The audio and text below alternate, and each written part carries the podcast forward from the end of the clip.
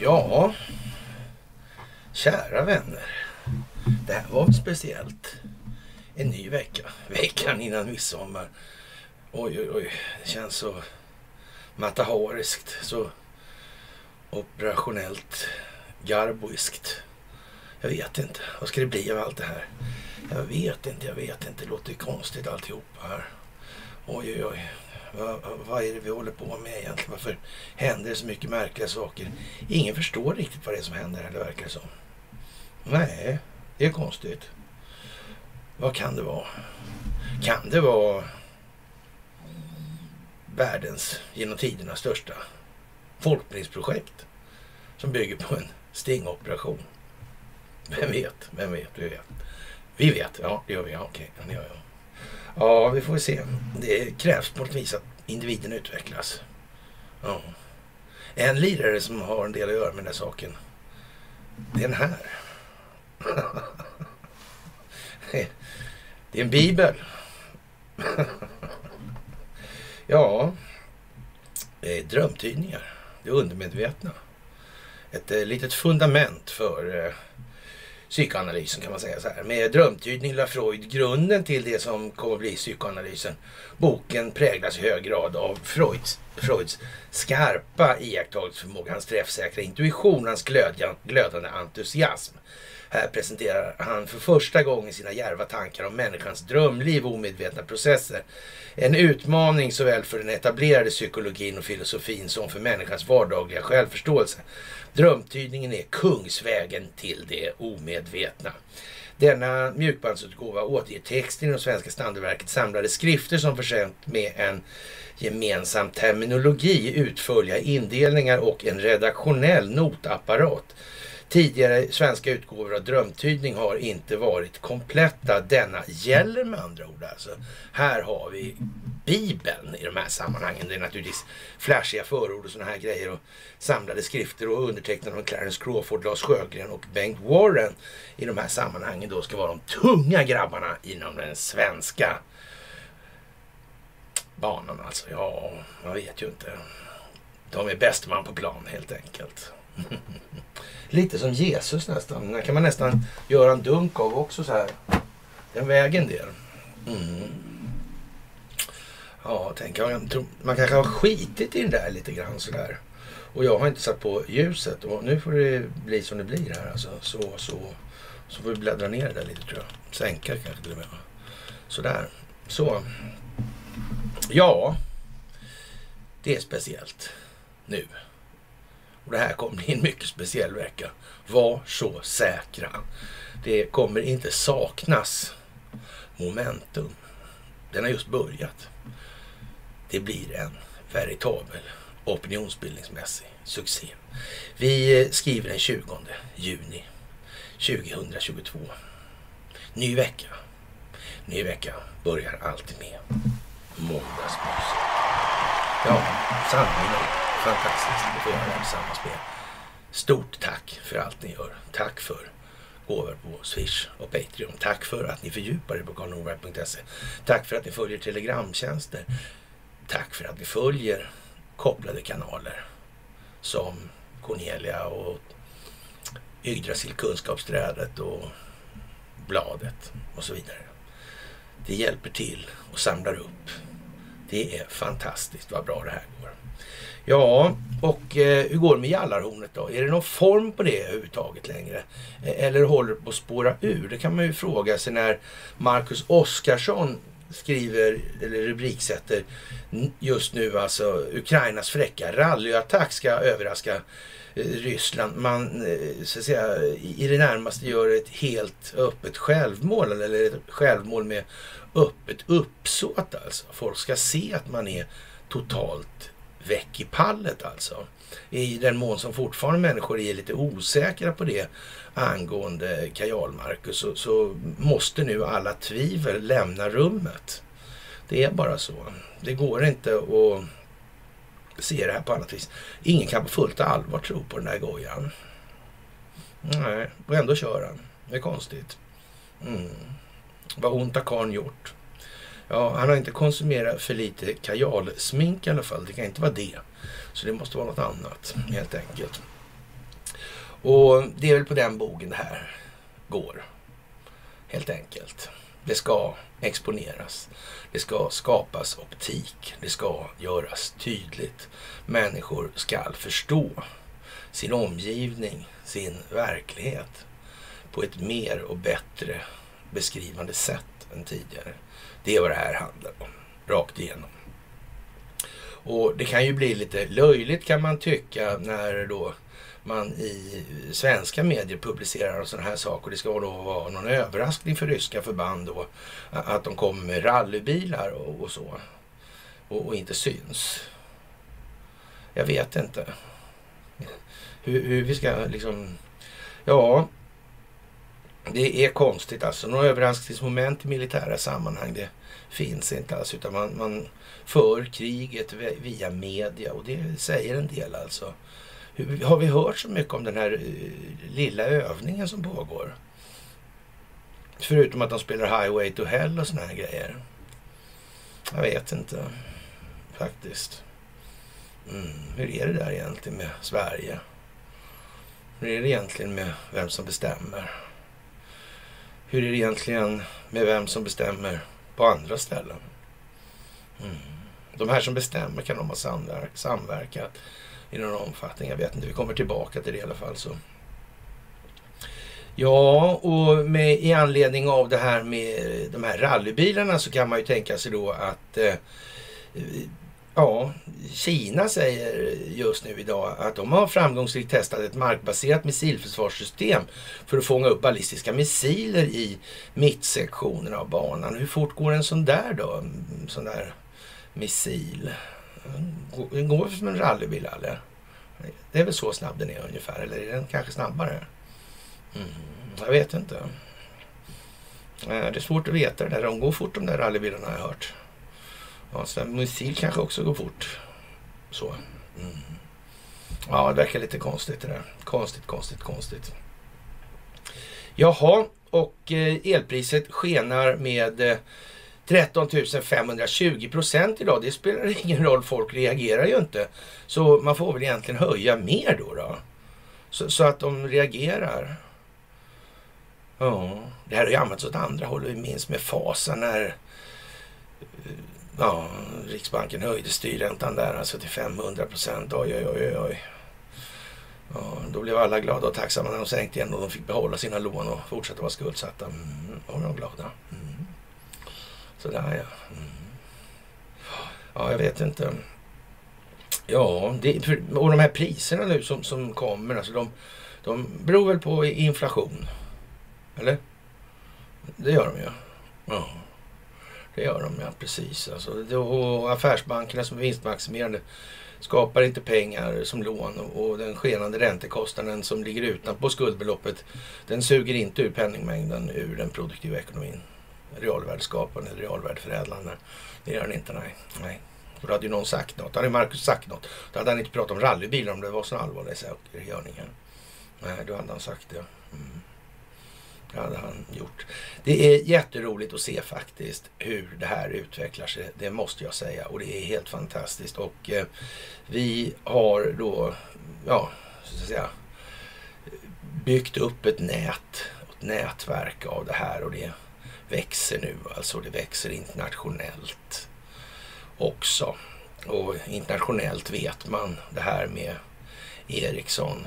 Och man kan titta på den här Ericssonreport.com då och se hur mycket koll man har. Där kan man följa det då.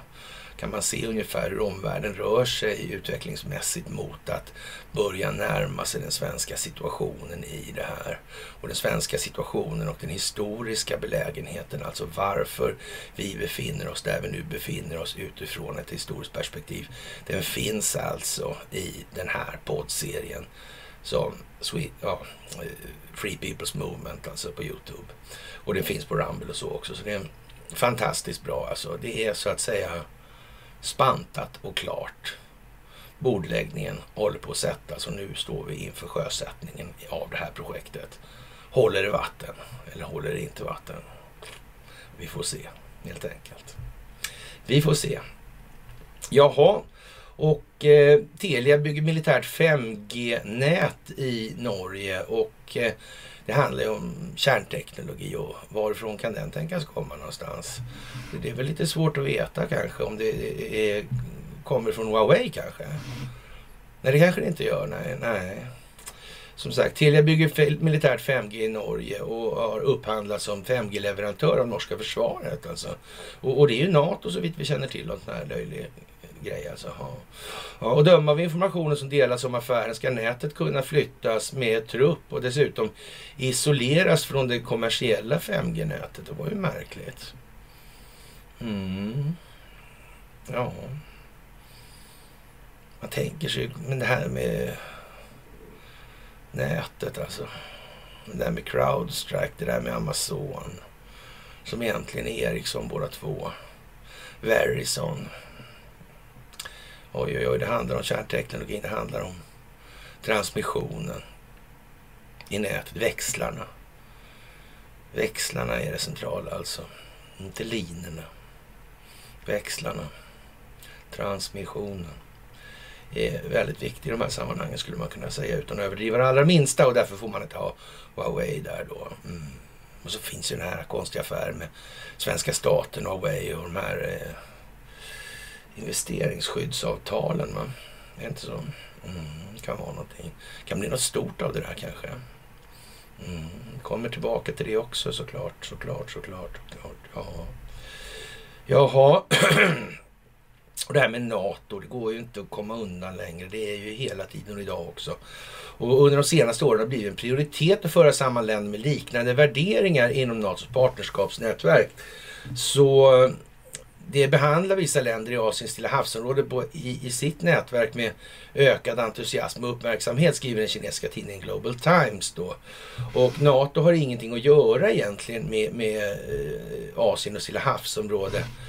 Och eftersom den senare med sin mångskiftande regionala politiska miljö inte är det viktigaste slagfältet under det kalla kriget och är väsentligt influerat av den alliansfria rörelsens idéer Eh, NATO har hittat två skäl till sin närvaro i Asiens Stilla havsområde. Den första är att till fullo utnyttja den ensidiga uppfattningen om den rysk-ukrainska konflikten från vissa länder i regionen för att återuppliva Eh, en klyscha, ett starkt land måste vara en hegemon och, en, och demokrati måste försvaras.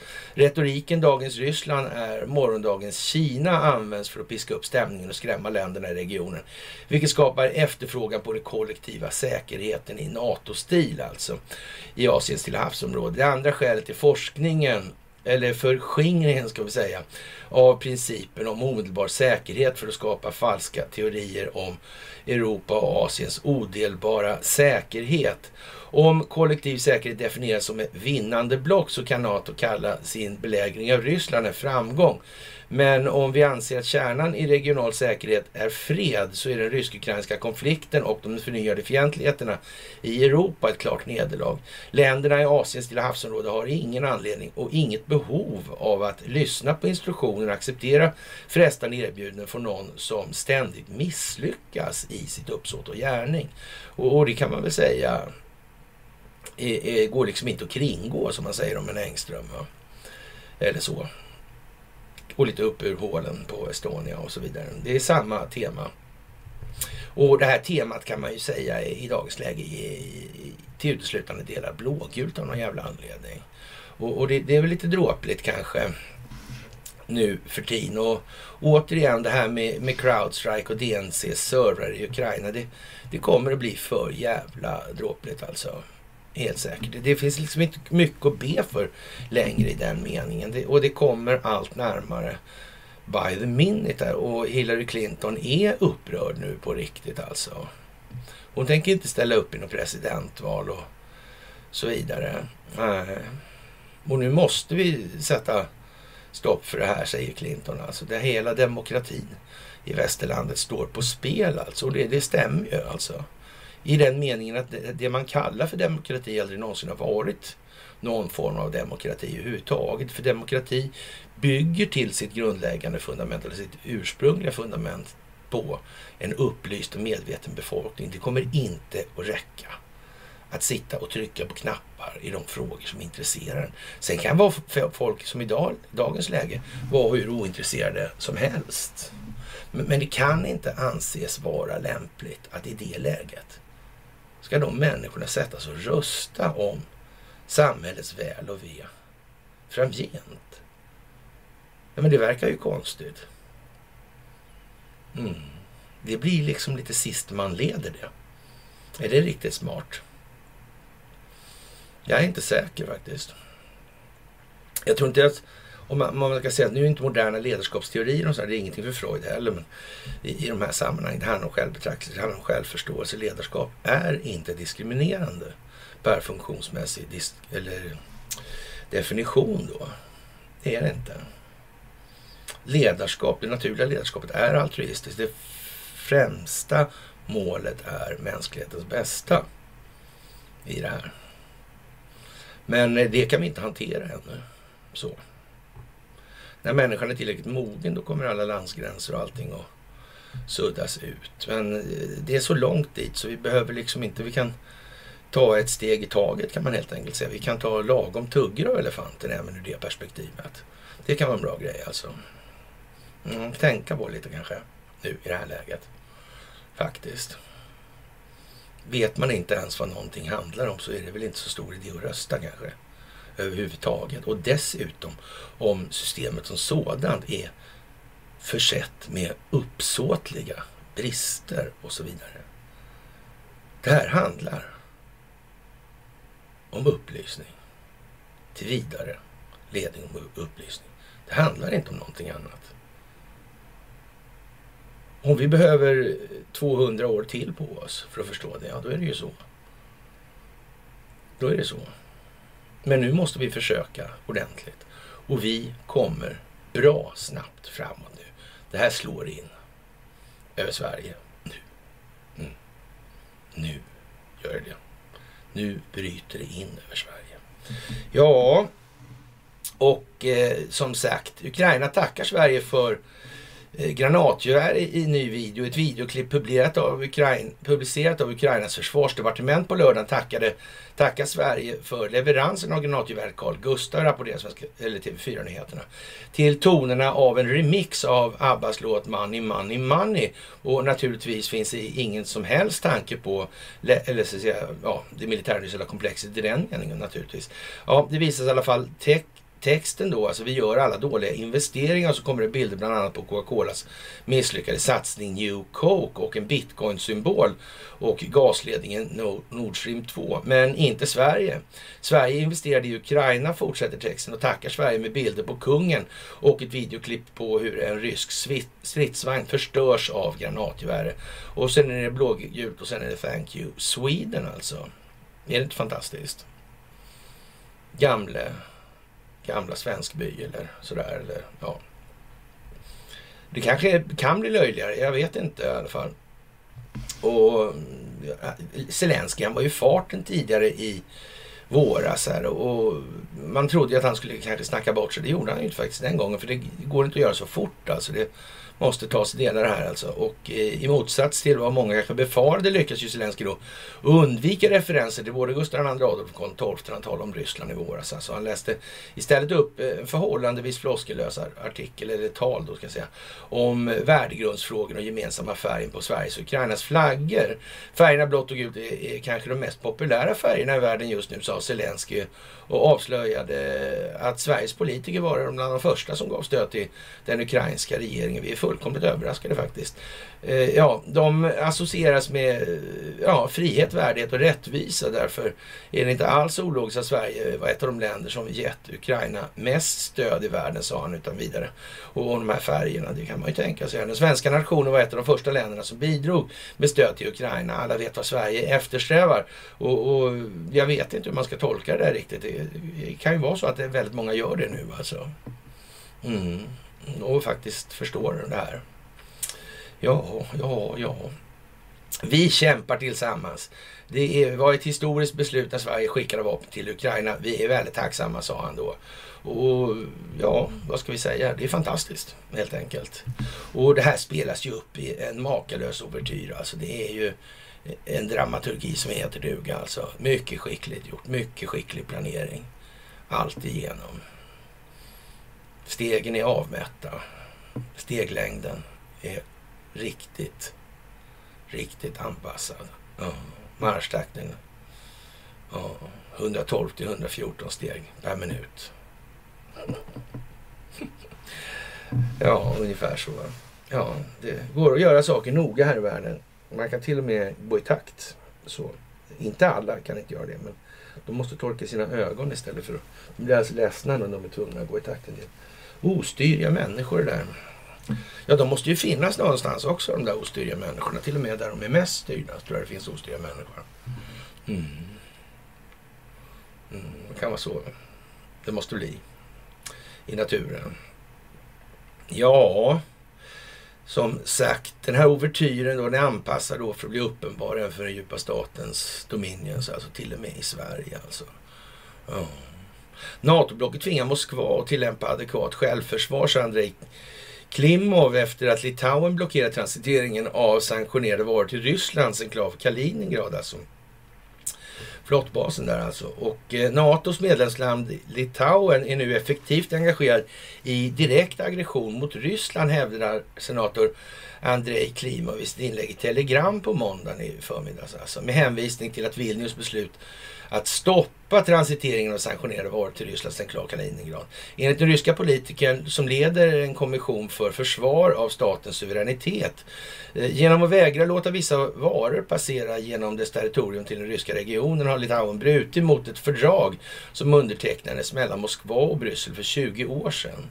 Eh, ja, såvida inte EU för sitt, eh, får sitt medlemsland att vända på klacken alltså och göra helt om marsch och, och ja, tvinga det att representera, eh, respektera avtalet skulle ett stort frågetecken hänga över den rättsliga grunden för Litauens medlemskap. Vadå, respekterar inte medlemsländerna de avtal som EU har förbundit sig till att följa alltså? Ja, det vet inte jag. Det verkar ju konstigt alltså. Ja, rättsliga grunden för Litauens medlemskap i blocket. Alltså, den där rättsliga grunden blir klart ifrågasatt då alltså. Senatorn betonar att i det här fallet skulle Moskva ha fria händer att lösa problemet med Kaliningrad, transiteringen som skapas av Litauen på alla sätt som man har att välja, alltså hur som helst. Så där kan det inte vara liksom. Vad ska man med de där avtalen till då? Om nu EU visar att de skiter i avtalen bara. Verkar det jävligt lovande? Hur ser det ut då? Ska man, kan man göra så? Då blir det inga konsekvenser. Ja, jag vet inte. Lite inte riktigt säker på det ändå. Alltså. Ja, jag vet ju inte faktiskt. Som sagt, det där är ju väldigt tjusigt tycker jag. Ja. Ja, och eh, man säger från ungersk eh, sida då till exempel så här att embargo mot rysk gas skulle innebära ett skott i lungorna för Europa. Det är omöjligt att kompensera för leveranser från Ryska federationen, sa en representant för den ungerska regeringen i samband med det här. I princip utan armar och ben tidigare eh, bortskjutna så krävs eh, mindre syre förvisso, alltså, men man kan också skjuta bort ett par av lungorna. Så kan man ju göra då sådär och det är ju möjligtvis bra då, då. eller det kanske inte är så bra. Och ja, det här med vad är allt det här egentligen och inflation, vad är det för någonting? Och det är inte en prishöjning och jag vet inte om jag har sagt det här tillräckligt många gånger men jag kan säga det en gång till då för, för säkerhets skull kanske. Det, ja, det är i alla fall eh, inte en prishöjning och mängden betalningsmedel i cirkulation ökar inte för att någon höjer priset. Det är ju inte så. Alltså, det är möjligen tvärtom men inte särskilt ofta och sannolikt så alltså. Nej, nej, nej. Inflation kommer från latinska ord inflare och betyder inflöde. Alltså prishöjning är en möjlig konsekvens av inflation. Jag vet, det låter som någon har sagt här faktiskt. Men eh, det är inte samma sak. När privata banker skapar pengar som en skuld Ja, tillkommer en utanpåliggande räntekostnad som ackumuleras över tid. Detta gör att allt mer pengar försvinner från den reala ekonomin som har att göra med produktion av varor och tjänster, alltså till den finansiella ekonomin. Ja, mm, där syftet enbart att tjäna pengar på pengar. Så småningom blir systemet skuldmättat och hamnar i stagflation, vilket resulterar i en finansiell inflation på på tillgångspriser och stagnation i realekonomin baserad på deflation alltså. Den höga inflationen som man talar om sker i den icke-produktiva delen samtidigt som räntekostnader suger åt sig allt mer likviditet ur den verkliga ekonomin som ska försörja samhället. Om befolkningen förstod problemet med att använda räntebelastad skuld som betalningsmedel skulle det bli revolution imorgon. Penningmängden är vår gemensamma skuld. Ja, man kan säga det här hur många gånger som helst, som helst tror jag. Utan att alla förstår det. Så det får man eh, finna sig i och fortsätta som ett eh, ja, pedagogiskt mantra och hoppas på att omvärldsutvecklingen skapar ett tillräckligt gro, ja, grogrundat klimat för att det här ska börja slå rot och växa av sig själv. Så är det också. Men det gör det. Det är inget snack alltså. Tro mig, jag har lång erfarenhet av att arbeta i motvind i de här sammanhangen. Verkligen. Och jag tycker det är alldeles fantastiskt att få uppleva det här med den acceleration som nu följer i det här också. Jaha, och eh, experten om skyhöga elpriser anmärkningsvärt tycker man då med, med, att det här med vindproduktion då är ju lite speciellt alltså med de här ja, 13 000 procentens ökning och vi har väldigt låg vindproduktion, alltså riktigt borealiskt låg alltså. Eller oborealiskt kanske man snarare skulle säga med avseende på Boris Johnson då. Han producerar ju väldigt mycket eh, nordanvind säger han då ute på Doggers bankar. Mm. Den där, och det är ju på något vis så att det är utbud och efterfrågan som driver upp det här. Ja, jag vet inte. Och ändå hade man, hade man låg vindproduktion nu. De där är ju stora hårtorkare så man förstår, de kan nog dra en del ström alltså. När man kör dem. Sådär. Ja, de kallar ju det för man håller på med så att säga frekvensbalansering säger man ju då för att de, det ska bli balans i nätet och så kör man de här istället för att låta dem dra. Mm, jag vet inte. Jag vet inte hur det kan vara. Nej, det är omöjligt att veta faktiskt. Ja, ja, det är omöjligt. Elprisanalytiker och det är ju som det är alltså. Jag vet inte, det kanske är skitbra egentligen. Ja, det är många sådana här jobb som verkar komma lite på skam alltså. Det, det är konstigt tycker jag. Många verkar ju ha liksom ett jobb som inte är något jobb egentligen. Liksom på något vis konstgjort alltihopa. Det är konstigt. Är det inte det? Jag tror det. Ja, det är som sagt eh, inte riktigt som... Eh, ja. Och det har väl ändå blåst lite sista dagarna, har det inte det? Jag vet inte, jag är inte säker. Och, dessutom, när, ja, det var ju förra veckan, jag tog inte upp det då på mys, det var för jävla grymt alltså. Så, ja jag vet inte, de skickar på där så ända in i helvete alltså. I dammen ovanför Torpshammar där upp mot Nordansea, Eder ned mot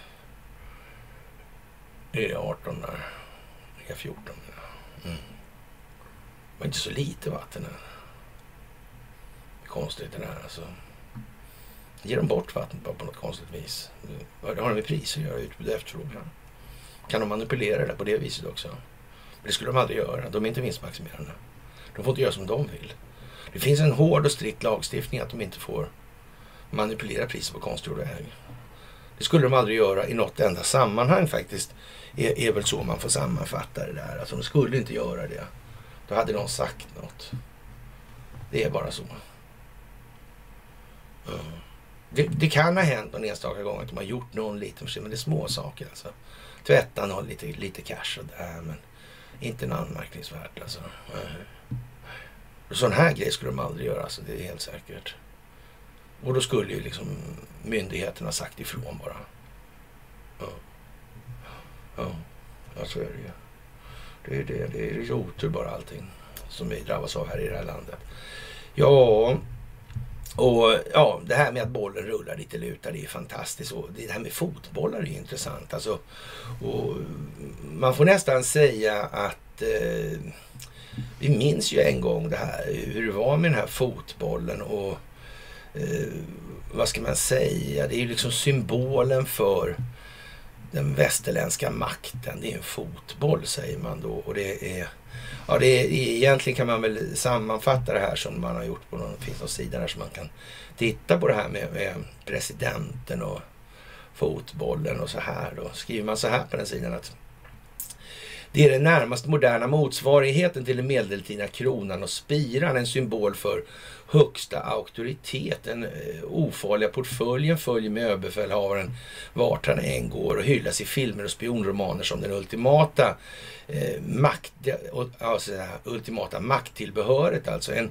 domedagsmaskin som kan förstöra hela världen. Då, den här eh, apparaten då med, med koderna till kärnvapnen. Då.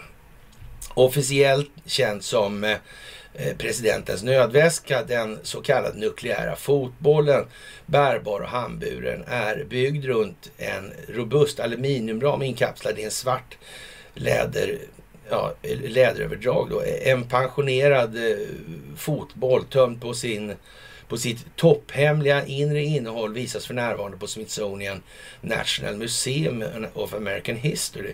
Vi letade efter någon som skulle visa presidentens otroliga militära makt och ansvar. Vi, vi, slog till på detta ikoniska föremål, säger kurator Harry Rubenstein. Då, och så finns det en bild på den här. Och det här är lite udda faktiskt. Då, för, för det hände någonting 2018 då, eh, som är värt att notera. Faktiskt. Det hade med fotbollar att göra. Och det var eh, någonting om det, det, är en annan grej den här lilla organisationen. Eh, eller Fifa eller Uefa och de här, med de här. Eh. Det är lite konstigt med de där organisationerna. De verkar finnas med i det här träsket också på något vis. Det verkar vara lite mutigt det där med Sepp Blatter. Nu är det ju tur då att, eller så att säga, ja, Lennart Johansson snart ska helgonförklaras istället. Så han har inte varit medveten om all den skiten han har haft utanför sin eh, kontorsdörr hela tiden. Och han har ju verkligen lyckats bra på det viset. Han har inte fått in en enda bokstav med korruption på sitt kontor. Medan resten av huset är fullkomligt med genomlusat av allt ifrån då riggade matcher ner till division 5 till eh, ja, pedofilläger i fotbollsskolor och, och hej och hova. Det verkar vara seriöst det där. Men hur som helst så är ju fotbollen väldigt populär. Alltså. Men, och, och, för att visa att det här är väldigt populärt, 2018 alldeles innan faktiskt eh, Donald Trump skriver exekutivordrarna angående vad som ska hända vid valfusk då, hur det här ska spelas ut då. Ja, alldeles innan det, då får han faktiskt en fotboll. Eller om det kanske till och med lite efter. Ja, i maj tror jag de skrev det där. Alltså. Mm. Ja, men det är ju konstigt. Han får en fotboll av Vladimir Putin. Jaha. Men han kanske, Vladimir Putin, han kanske inte känner till det där med, med den här benämningen på den här väskan med kodnycklar. Han kanske inte eh, tänker på att folk skulle kunna uppfatta det här på så vis. Alltså göra den associationen. Eller också kanske han gör det. Jag vet inte, jag är inte helt säker alltså. Jag är inte säker. Det skulle kunna vara så alltså. Ja. Och det här är ju väldigt speciellt alltså det här med hur länge har det här hållit på egentligen? Ja. Ukraina har ju varit misstänkt för all verksamhet som den djupa staten har bedrivit sedan 2014 i princip. Alltså. Ja. Ukraina är nyckelsten i den djupa staten, man kan säga så. Det här kommer rinna in i Sverige från Ukraina har vi sagt då. Men det här, kraften i det här kommer från USA. Sen. Mm. Och det här sitter ihop. Det sitter ihop i Ukraina. Det sitter ihop i det amerikanska valet. Vad kan de gemensamma, eller den gemensamma nämnaren, de minsta gemensamma nämnaren, vad kan det vara? Ja, det är lite svårt. Vi har ju kört det här rätt många men vi talar inte om svaren sådär utan vi låter det så att säga, det ska tänkas själv alltså. Mm. Och så låter vi det gå ner kanske på lite grann på så att säga nivån i, i det här då, så det blir mer lätt förståeligt, lättsmältbart alltså. Varför måste vi göra så? Jo, därför att vi är livsavgörande beroende av att dra till oss krafter som kan dra i det här. Vi är mycket mer beroende av det än vi är av att få med oss siste man på plan. Så är det också. Det måste gå i den ordningen. Vi kommer aldrig klara oss utan ledning. Vi kommer aldrig klara oss utan det naturliga ledarskapet. Det finns inte. Vi föds ofullkomliga. Vi föds med fel och brister. Vi föds med en genetisk disposition som grundar sig på både genotyp och fenotyp. Det är så. Ibland har det gått fel och då måste vi rikta upp det här. Och vi måste ha vårt intellekt med oss i den delen. Det är inte svårare än så. Och det får vi lov att acceptera. Jaha, om Ukraina faller kommer den djupa staten att falla. Och man kan väl säga att Ukraina eh, uppfyller väl alla tänkbara krav på att vara en failed state då. Och vi kommer tillbaka till Cornelias klipp i det här. Och eh, om, eh, ja, det här har ju redan hänt naturligtvis, men, men, eh, filmen spelas ju upp då och Vladimir Putin jagar nu ormens huvud. Och, och det är ju lite roligt bildval i det här då. Någon som heter Földvarim Erzbet, eh, som är väl ungrare då tror jag, som har skrivit den här. Och eh, ja, korruptionens nät är mer sammanflätade än någon någonsin kan föreställa sig. Eh, Ukraina är en sån här kärnsten då, eller Heartstone. Ja, och Ukraina vet allt i den här meningen och dessutom så kan vi tänka, tänka på att de har säkert telefoner i Ukraina. Och var det inte så att här Crowdstrike hade någonting med Ukraina att göra? De hade någonting med DNC servrar att göra och de hade någonting med Seth Rich att göra. Och det fanns någonting med Durham-utredningen i det här. Var det inte så? Mm. Ja, och Crowdstrike är Ericsson, alltså ingenting annat. Precis som Verizon eller Amazon eller någonting annat. Det är bara så. Det är den kärnteknologin som sitter i transmissionen i, inte på internet. Alltså det är vad det är i det här. Den kommer man inte runt hur som helst. Det går inte. Nej. Jaha, och eh, vad ska vi säga? Tillbaka i november 2019 talar Trump i en timmes intervju om med Fox och Friends. Alltså. Han hävdar att DNC gömt servern på ett ukrainskt företag. Alltså. Eh, de säger att de eh, hade med många saker att göra med Ukraina.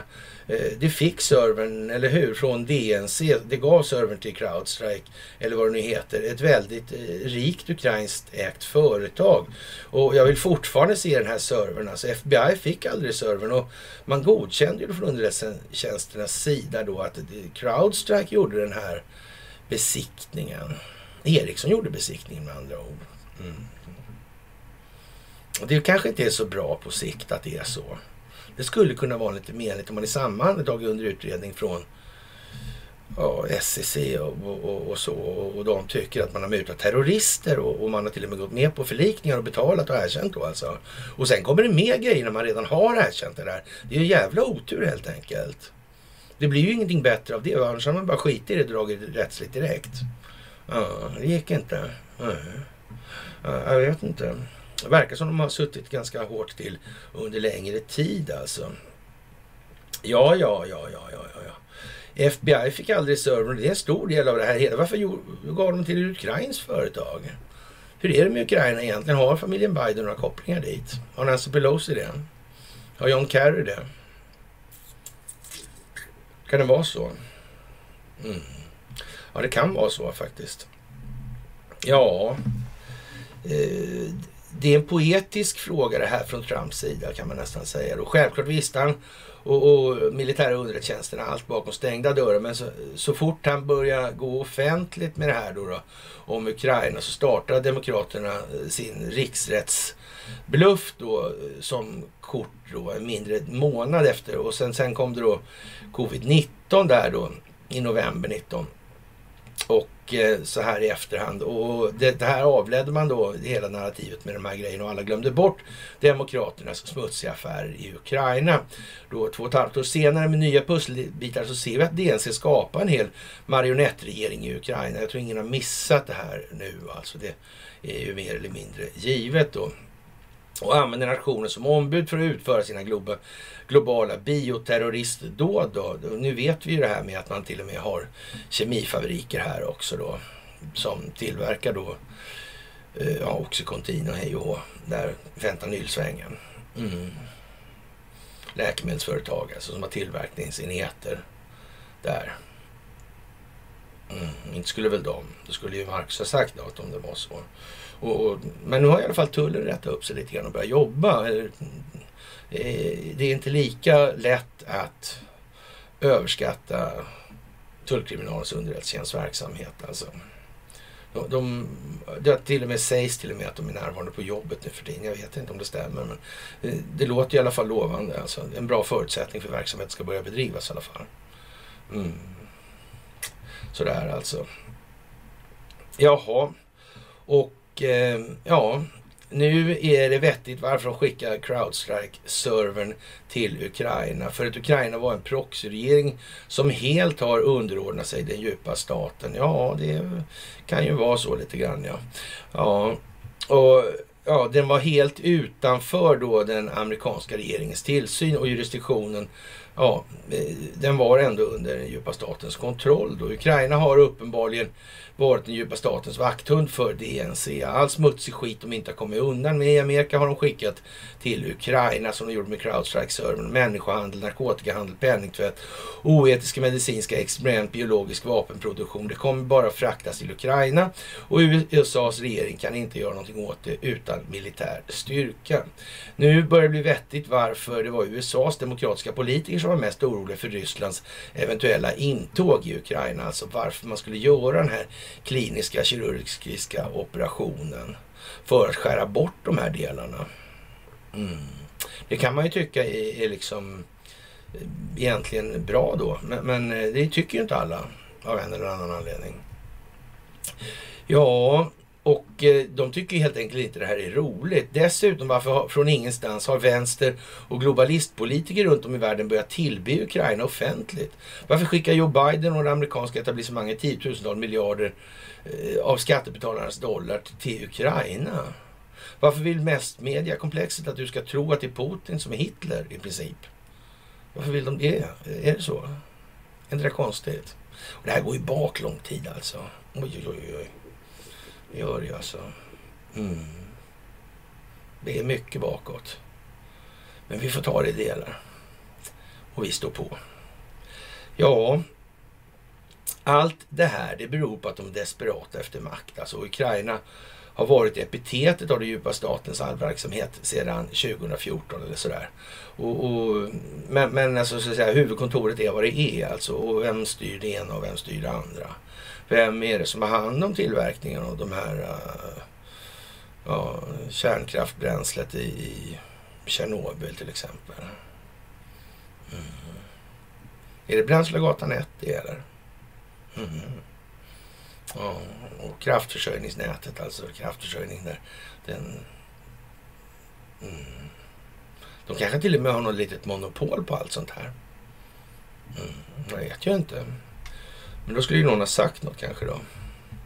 Ja, och eh, Putin han jagar ormens huvud nu alltså. Mm. Det, är de här, det är de här tiderna, det är det. Det var ju förr han delade ut fotbollar sådär till USAs president. Ja. Erdogan har, har, har en plan alltså. NATO eh, ska få se bevis alltså Eh, mot Sverige för att vi håller på och, och spelar, eller agerar terroristinkubator. Alltså. Han har bevis i de här sammanhangen. Han planerar att använda toppmötet som ett tillfälle till att backa upp sina anklagelser om terrorkopplingar mot Sverige. Det här är den här veckan alltså. Det blir ju inte så bra. Han verkar ha ett sånt där förstoringsglas där han verkar känna Donald Trump. Han verkar känna Vladimir Putin alldeles säkert. Han verkar till och med känna Xi Jinping. Mm. Konstigt. Han verkar finnas med i den här ekvationen bland de här fyra. Som finns på en bild, som jag tror ni minns. Mm. Kan det funnits en tanke med det här? För så länge sedan. Alltså fantastiskt konstigt. Jag säger ju det. Man ska läsa Freuds drömtydningar. Då blir man smart. man ska läsa den så man slutar vara dum. Det är det som är problemet. Man måste förstå vad den här jävla idioten håller på med. Ja, det måste man göra. Och sen måste man förfasas över det moraliska förfallet. Över de här jävla bodknådarna som skriver sina utlåtanden där. Som vore de tänkande individer, höll jag på att säga. Det är inga själsliga giganter i alla fall. Men de är rätt filosofiskt materialistiskt orienterade kan man konstatera. Det behöver man inte vara särskilt analytisk för att se. Ja, ja, ja. ja. Det kan gå bra det här med Erdogan faktiskt. Det kan bli riktigt kul alltså. ICO tycker Conny i den saken. Och så tycker han ju en massa saker då om eh, det här med Sverige. Och Lavrov tycker också en massa saker om Sverige. Vi kommer tillbaka till det. Mm. De, vi har haft liksom anglosaxiskt styre under lång tid. Vi kommer tillbaka till det. Vi är flera delningar här idag i den saken. Alltså, Sverige och Finland har under väldigt lång tid varit under styre av anglosaxiska intressen, säger Sergej Lavrov, Rysslands utrikesminister. Varför säger han så här då? Ja, det finns må många i det här uttalandet grejer som, som en svensk borde reagera på. Vi, vi, vi, har ju alltid fått lära oss att vi lever i en demokrati. Alltså. Alla människor förstår vad det är de röstar på och vad det innebär. Eh, den uttryckta politiska viljan alltså på något vis. Deras egen politiska uttryckta vilja kommer till tals i och med att de går och röstar på ett parti. Alltså någonting som har, håller på med partisering och dessutom har valberedningar och sådana här grejer som filtrerar bort saker som inte ligger i linje med vad den här partiseringen ägnar sig åt som huvudsaklig målsättning. Inte det konstigt det här egentligen. Det verkar ju vara helt tänkt som att det är helt baklänges. För att det inte ska fungera på något vis alls. Så det bästa vi kan göra då, det är att förstå lika mycket, eller lika lite då. Ja, och så sätta oss och trycka på knappar istället. Och om frågor vi själva vill. Eh, kanske inte det är alltså säga, det bästa metodvalet för folkbildningen egentligen. Jag tror fan inte det. Men jag kan ha fel. Alltså det, kan, det kan vara ett av de bästa sätten. Jag har bara gått liksom poängen förbi helt enkelt. Jag stod där och jag missade den. Hade så bråttom i betraktelsen. Och ja, som sagt. Det här med situationen i USA, den blir ju besvärande med de här Durham-frågan. Det är jävla Durham-fönstret alltså. Det verkar lite grann som det ska vara precis som det här med Ericsson. Det där med nya utredningen nu om hålla på med och finansiera terrorister här som Erdogan håller på med och diskuterar. Mm. Ny utredning då av SEC i det här amerikanska justitiedepartementet. Det är konstigt. Ja. Och, och då kommer det som sagt, det kommer till Crowdstrike, det kommer till valfusket och så vidare. Panik hos Hillary Clinton. Mm, hela demokratisystemet håller på att trilla ihop. Vi måste bekämpa det här. Vi måste bekämpa Donald Trump i det här. Alltså, det är något fel med honom och sådär alltså. Ja. Tänk om man koordinerat det här. Med turken, ryssen och kinesen. Fan, fan, fan alltså. Ja. ja. Det blir ju inte bra alltså. Det blir ju inte bra om det är så. Det blir det ju inte. Det blir inte bra heller om det är så där som man från republikansk sida nu i Texas har gjort då, och man har lyckats dra igenom en resolution som förklarar att eh, Joe Biden, han är ingen eh, legitim president. Alltså han är möjligen en resident. Alltså det sa de inte, men han är i alla fall ingen president. Det är, det är fusk alltså. Det där är valfusk nu, eh, säger Texas. Vad ska de andra delstaterna säga nu? Ska de säga att Texas är en liten dum, olydig delstat som inte begriper något? Är det liksom själva prylen? Ja, jag vet inte. Det, det, det, måste ju hända någonting i det här. Ja. Och de här eh, 2000 mulåsnorna. Och nu kommer, skulle jag kommit förra veckan tror jag det var, men det, jag kanske fattade fel, kanske kommer den här veckan. Då. då kommer den mycket större. Det här är ju liksom frågan om man, man så att säga har eh, ägnat sig åt en väldigt eh, ingående övervakning av de här 2000. Det har man gjort med fler då. Alltså man har gjort det med BLM och man har gjort det med Antifa och så här. Och sen har de duktiga datorerna räknat och mätt och mätt och räknat och gjort referenskartor och man har kartlagt hej och hå. Mm. Och, och, vem vet vem fan som är president där alltså? Och, och vem fan vet vad som är eh, styret i Sverige egentligen? Egentligen. Som sagt med den här båten. Konstigt. Ja. Och eh, finns det militär personal då finns det Steffar också, alltså ställföreträdare. Och, och ja, det... Som sagt. Mm. Och protokollsektionen på utrikesdepartementet är ju vad den är alltså. Jag kan missa allting. Jag är inte säker på det faktiskt. Ja, vi har ju flaggat för det här någon vecka nu, så, men, men ändå så ni, så ni vet i alla fall. Vi har ju sagt att det ska komma på det här viset och det gör det ju nu så det, det är inte mer med det. Och eh, ja, vi lär få vänta innan vi hittar det på Marcus Oskarssons sida om vi säger som så. Men han har inte den uppgiften utan han har det här och, och drar det här i, i, så att säga, i löje istället då så att säga. Framställa sig själv som en jävla tunt och så liksom. Ja, I den mån. Det finns ju faktiskt folk som är, faktiskt har missat ja, att det finns en verklighet i de sammanhangen. Utan de tror att eh, ja, det där är liksom verkligheten. På något sätt. Ja, jag vet inte. I alla fall.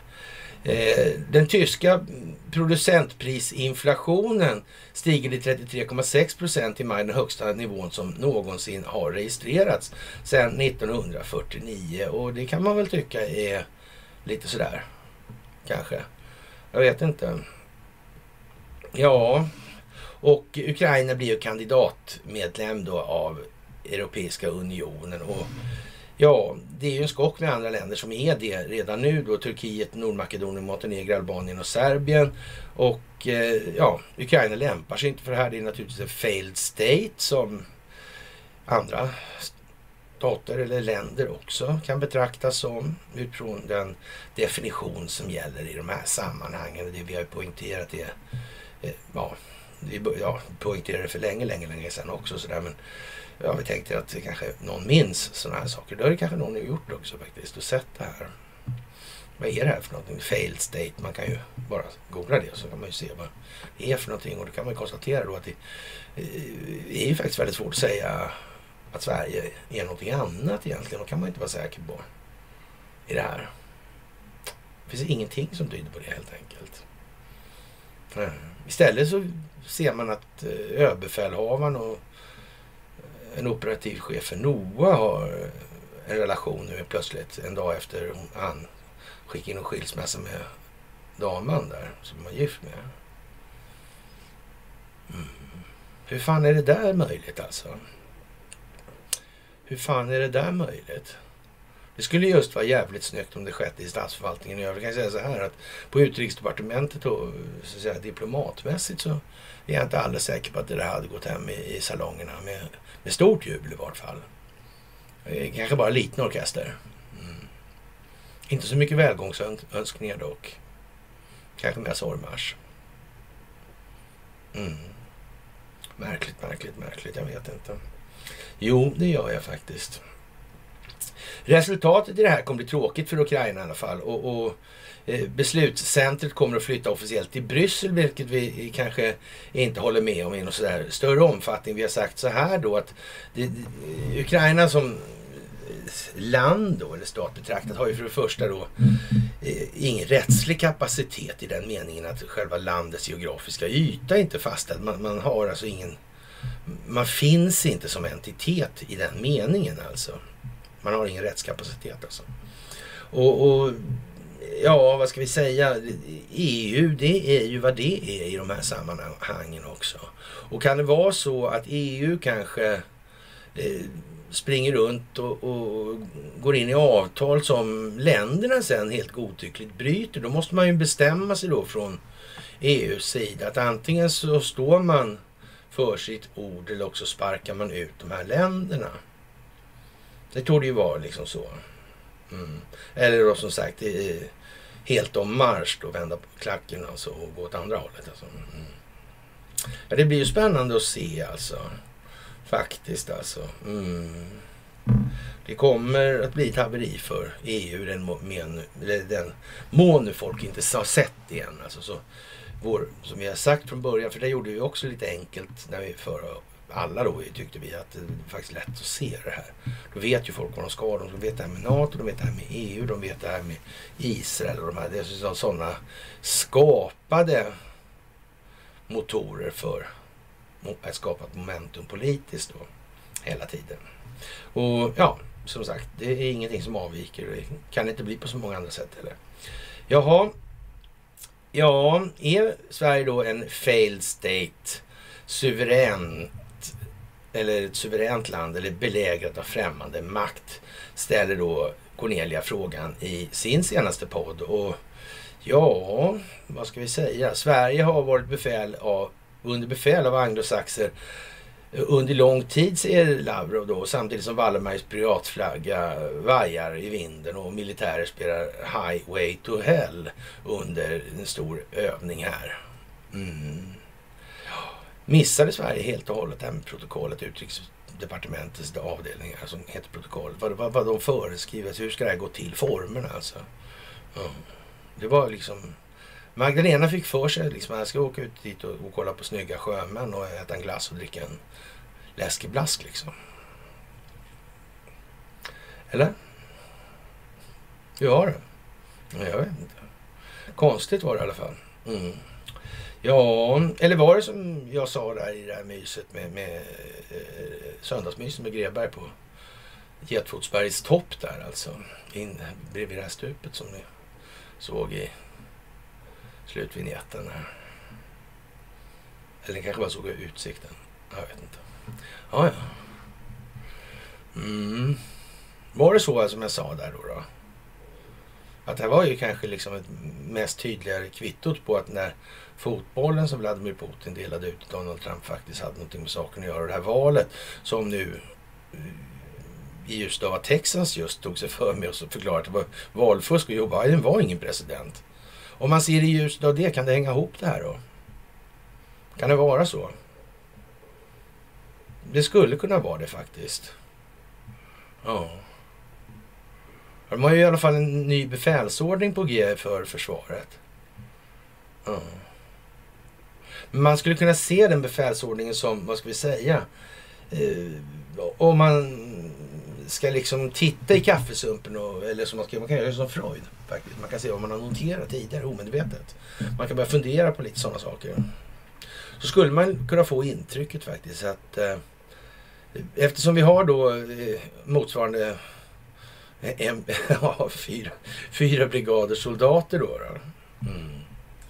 Men, men har en eh, så att säga administrativ apparat som är väl i paritet med vad som rödde under höjdpunkterna under invasionsförsvarstiden. Då kan man ju säga så här att det, ja, det ser ut som en huvudfoting om vi säger som så. Då. Mm.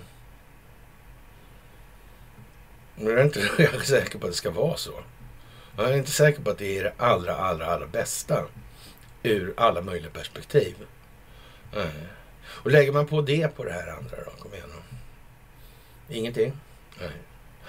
Ja, vi får se om vi hittar något mer då som kanske passar in i det mönstret bättre alltså. Som gör att man kanske ser den här möjligheten eller ser en annan möjlighet som är ännu bättre.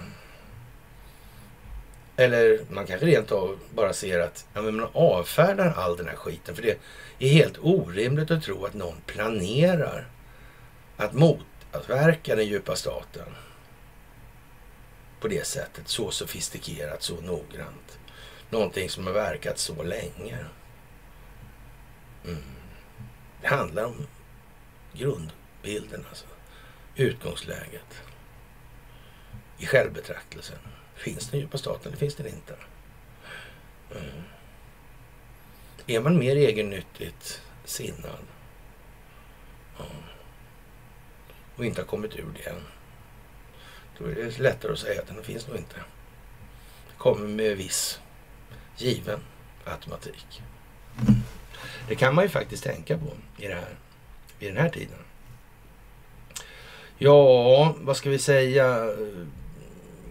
Lite sådär uh, halv äh, speciellt i, i det här under den här tiden. Alltså är vi under belägring då? Alltså vi vet ju det här med Skeppsholmen, vi vet det här med flaggan, vi vet det här med varför hette det där jävla systemet Patriot också av allting? Ja, det gjorde det ja. Som han var här och sålde. Och så vart det regeringskris och sådana här grejer. Ja, konstigt. Patrioter. Vilka är det? Jaha, det är de där äh, som skriker att om bara Jimmy kommer till makten så kommer allting att bli bra.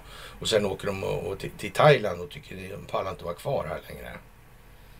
Mm. Ja, ja, de där ja. Mm. Det är ju lite konstigt. De kan nog inte tänka sig liksom att stå och falla mot det de kämpar emot, alltså med ansiktet till. Falla med ett leende på läpparna utan bitterhet. Trygg i förvissning om att man har gjort vad man har kunnat för att göra det större, goda, det bättre för alla. Man måste tänka lite på sig själv i det läget tycker de. Det är ju faktiskt så. Ja. Det måste man inte. Nej, det måste man faktiskt inte. Jaha, och eh, vad ska vi säga? Det är en massa liv om det här med Roe Wade och det här med aborterna. Det handlar om fosterhandel. En global företeelse. Det handlar om Planned Parenthood. Det handlar om Gunnar Alva Myrdal. Det handlar om Margaret Sanger. Det handlar om eugeniken. Det handlar om rasbiologin. Sveriges roll genom historien är inte obetydlig. Absolut inte. Och man kan säga så här. I kraft av den makt som den djupa staten fick genom framväxten av den moderna telekominfrastrukturen. Då var det vad som det var helt enkelt och ingenting annat. Och det här är naturligtvis en ytterlighet på det här. Det här är politisk kosmetika. Det här handlar om pengar som sin yttersta del då. Det handlar om den här fosterhandeln då i det här. Och ja, de här vinstmaximeringsintressena är ju, råkar ju vara precis de gamla vanliga som dessutom har kontrollen på det militärindustriella komplexet, läkemedelsindustrin och så vidare och så vidare. Ja, det är inte exakt jättesvårt det här nu. Jaha. Och eh, ja,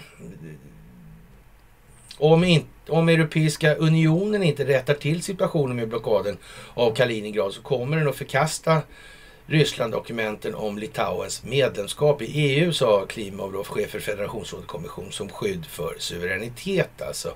Och ja, då,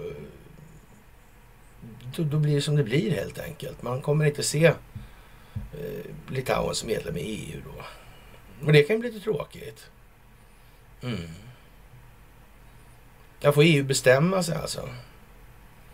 Är det så att de inte, inte tycker galoscherna passar så går det ju att stänga av helt för Ryssland. Det spelar ju liksom ingen roll. Det finns ju tillräckligt med marknad för att de ska gå i princip torrskoda över den här floden. Mm. Den här strömmen räcker ingenstans. Nej. Det är liksom inte EU som sitter med trumf på hand i det här. Under inga omständigheter. Jaha, och eh, vad ska vi säga? Five Eyes ser ingenting utan det sjätte ögat och det blir bara suddigt det här annars alltså. Och exklusivt Five Eyes-alliansen tillverkar bevis, bygger rykten om Kinas infiltration enligt en källa då. Five Eyes-allians Alliansen samlar in och tillverkar bevis som avser att visa att Kina infiltrerar politiskt in i västländer i syfte att smutskasta Kinas image i världen, fick Global Times veta från en källa nära saken. Och eh, ja, USAs närmsta samarbetspartner i Europa är ju som sagt Sverige i den meningen. Och det säger ju till och med en sån som Julian Assange och på tal om att han ska utlämnas till USA och han kan berätta massa saker om Seth Rich och eh, överföringen av den här datan till ett fickminne till exempel. Och han kan säkert få hjälp av William Binney då, som var den främsta analytikern och experten på det här på NSA som är en stor firma i de här sammanhangen. Mm. Det kanske blir svårt att snacka emot här nu faktiskt. Mm. Och sen kommer det här med Crowdstrike då som har uttryckt att det är på det viset. Och då är det Ericsson alltså som gör det. Ja, men det är inte det lite förklenande kanske allt det här? Jag är inte säker faktiskt, men jag tror det sitter ihop på något vis. Jag vill inte förstå riktigt hur. Ja. Analytiker sa att detta är inte första gången som Five Eyes har konspirerat för att rikta sig in på Kina och andra länder. Alltså, ja, det var ju konstigt. Som en allians utformad för att dela underrättelser har den genomfört hemliga eller öppna operationer som stöld, störningar, infiltration, subversion och tvång. Five Eyes-alliansen är inte så mycket eh, som en grupp som delar intelligens utan eh, mer en anti Kina-klubb tycker kineserna då. Och, det kan man ju i någon mån eh, säga då. Alltså, Kina har ju varit väldigt hårt exploaterat. Och man hävdar ju till och med från kinesisk sida att i under 200 år ungefär så har en viss familj trakasserat och infiltrerat. Man har till och med gått, dragit sig så långt att man vid tillfällen har sagt så här att det, den senaste tidens rågheter och svårigheter, så det handlar om ett fåtal svenskar som på ett brutalt vis lägger sig i Kinas inre angelägenheter. Och, och notera det, för det är lite värt att komma ihåg där och därför har vi faktiskt kört det här. Därför att man kan, om man läser lite mellan raderna eller om man har läst lite Freud sådana grejer så vet man ungefär hur de tänker. Så, för de är skolade att tänka på det här viset. Så det är liksom inte bara alla, alla som ser det där behöver inte tycka att Freud är det smartaste eller bäste man på banan liksom. Eller bäste man på plan. Det, det, det, behöver man inte tycka. Man kan ju tycka att han är liksom halvkorkad också kanske till och med. Det inte kunde man väl för fan ha gjort bättre liksom. Ska, hur svårt ska det där vara liksom? Han sitter ju bara liksom och säger vad han tycker i alla fall. Ja, och han, när, han slutar att leda resonemanget i fast grund, då, eller saklig grund, ja, då är det ju vad det är. Liksom. Då är det tyckande och inget annat. Ja, men hur som helst då så, så ja, de här uttrycken man använder när de kommer tillbaka. Det med inre angelägenheter, då ska man... Ah, det, då, då, gör de linjer alltså, de gör mönster när de gör sådär. Uttrycksvalen. Det är inte så liksom att de är, är här i Sverige har vi då en, en, en medial situation där man mäter och, och väldigt noga då, man mäter på guldvåg som schamaner och estradörer plägar göra då. Mm. Men det gör man faktiskt i andra länder också. Och hela uttryck som man använder, klipper ur och tar in och så här. Det är ju liksom för att folk ska få en identifikation i det här. Och, och man kan säga så här, det är inte sällan, alltså som modus operandi betraktat, alltså att använda den här metoden. Så det är inte sällan att det här handlar om eh, samma, eh, ja, lilla busiga gäng då. Mm. Alltså finns det här begreppet inre angelägenheter då finns det oftast någonting med Investor också. Alltså så lite grann. Man får liksom en associationsimpuls i det här. Man skapar det, man etablerar det genom att göra det här. Återkommande då. Och sen har man ett mönster. Ja, och eh, ja, Five-Eyes-alliansen är alltså e- en riktig gangsterklubb. Alltså. Global Times fick veta att underrättelsetjänster i Five Eyes medvetet förhör och trakasserar kinesiska studenter och forskare på tveksamma eller inga grunder alls. Vissa närmar sig till och med kinesiska samhällen och pressar dem att förbli, bli agenter för Five Eyes-strukturen då. Och eh, även om Five Eyes-ögonen inte är så skarpa på att säga sanningen eller skilja sanningen från lögner så är de skickliga på att blanda sig i Kinas inre angelägenheter bland andra länder i världen. Minsann, minsann igen. Ja, där ser man. Ja, I Hongkong har eh, konsulaten i de här länderna blivit högkvarter och kommandon för störningar och subversion där deras konsulära tjänstemän nådde ut till anti-Kina-krafter och separatister för att uppmuntra till våld genom att tillhandahålla ekonomiskt stöd och utbildning i det här, då säger källan. Och, och som sagt, de här NGO-erna, det här med George Soros och så vidare, de fyller alltså en roll i de här sammanhangen.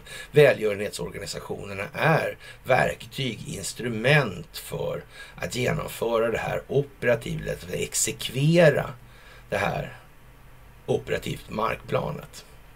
Så.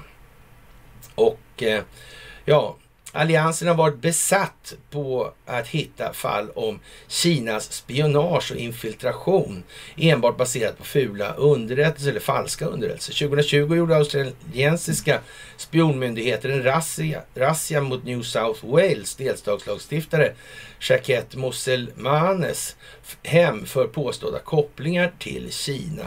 Och jag vet inte, hur är det här egentligen med industrispionaget och kineserna och Sverige? Och risken, det här med Huawei. Det här med investeringsskyddsavtalen. Mm. Vem är det egentligen som är boven här? Vem är det som är dåligt? Var det Huawei som var, hade Crowdstrike? Det var inte det va? Nej, nej. Det var Nokia. Ja, det var det. Mm. Ja, ja. Ja, men så. Då är det ju så. Då vet vi det. Det är finnarnas fel alltså. Mm. Vi kan skylla på dem den här gången. Mm.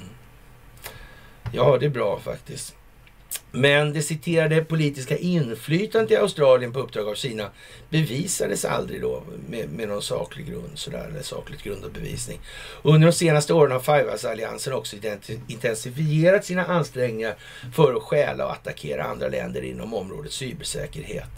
I en senaste rapport från ANSER, en informationsplattform för cybersäkerhet, visade att den amerikanska militären och statliga cyberbyråer har stulit mer än 97 miljarder globala internetdata och eh, 124 miljarder telefonposter på distans under de senaste 30 dagarna som håller på att bli en viktig källa för underrättelsetjänster i USA och andra Five Eyes-länder.